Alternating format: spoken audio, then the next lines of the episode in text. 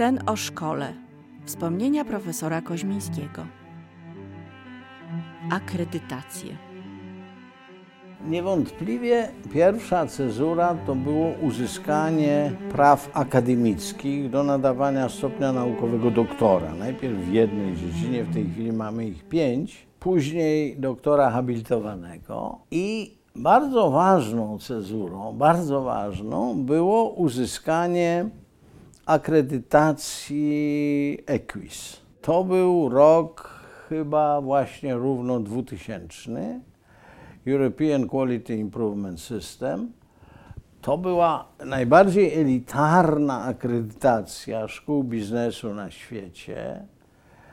Ja podjąłem e, wspólnie z moim przyjacielem Stefanem Kwiatkowskim, którego też trzeba tu wymienić jako współautora sukcesu, myśmy podjęli ryzyko wielkie poddania się temu procesowi akredytacyjnemu, który był bardzo taki rygorystyczny, kilkudniowy i tak dalej, i tak dalej. Byliśmy wtedy jeszcze na słabej stosunkowo pozycji. Pamiętam, że nie chcieli nas nawet na początku, żebyśmy, we, bo to była, myśmy jako 16 szkoła w Europie dostaliśmy tego Equisa. Ale na początku nie chcieli nas nawet wziąć pod uwagę i pamiętam, że Stefan w Brukseli zaprosił szefa tego działu akredytacyjnego na jakąś straszliwie mocno zakrapianą kolację i w wyniku tego, nie wiem czy dokładnie, ale w każdym razie pomogło,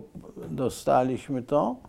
Przyjechała tutaj grupa ludzi, to byli dziekani kilku uczelni, którzy przyglądali się nam z wielką podejrzliwością, a e, byli też i tacy, którzy patrzyli na nas jako na to znaczy uważali, że uczelnia nie powinna być prywatna, tylko państwowa. Taki lewicowy sposób myślenia na zachodzie Europy jest naprawdę bardzo silny. To był wielki sukces, dlatego że byliśmy pierwszą, jedyną uczelnią tej, przez wiele, wiele lat z tej części świata, która uzyskała to. Później następne to była akredytacja amerykańska, ACSB, która była też trudna do uzyskania. Ja miałem kontakty z ASCSB jeszcze z czasów, kiedy funkcjonowałem w Stanach. Bywałem na jakichś tam ich konferencjach, ale to mi się nie udało przełożyć jakoś, pamiętam. To było trudne. Oni też patrzyli na nas z pewnym powątpiewaniem. No ale w końcu się udało. Także i, to, był, to był ten e, kolejny etap. I następny etap to było pojawienie się w pierwszym rankingu Financial Timesa. To było w 2010 roku. Byliśmy po raz pierwszy. Od tej pory jesteśmy tam na, na niezłych pozycjach. Znowu jako jedyna z Europy Środkowo-Wschodniej. Doszedłem do wniosku, e, zresztą od początku tak uważałem, że w tym wieku nie powinno się pełnić funkcji operacyjnych. I wówczas rektorem został pan profesor Witold Bielecki, który właśnie w tej chwili zakończył 9 lat, czyli swoje dwie kadencje, bo jedna była pięcioletnia.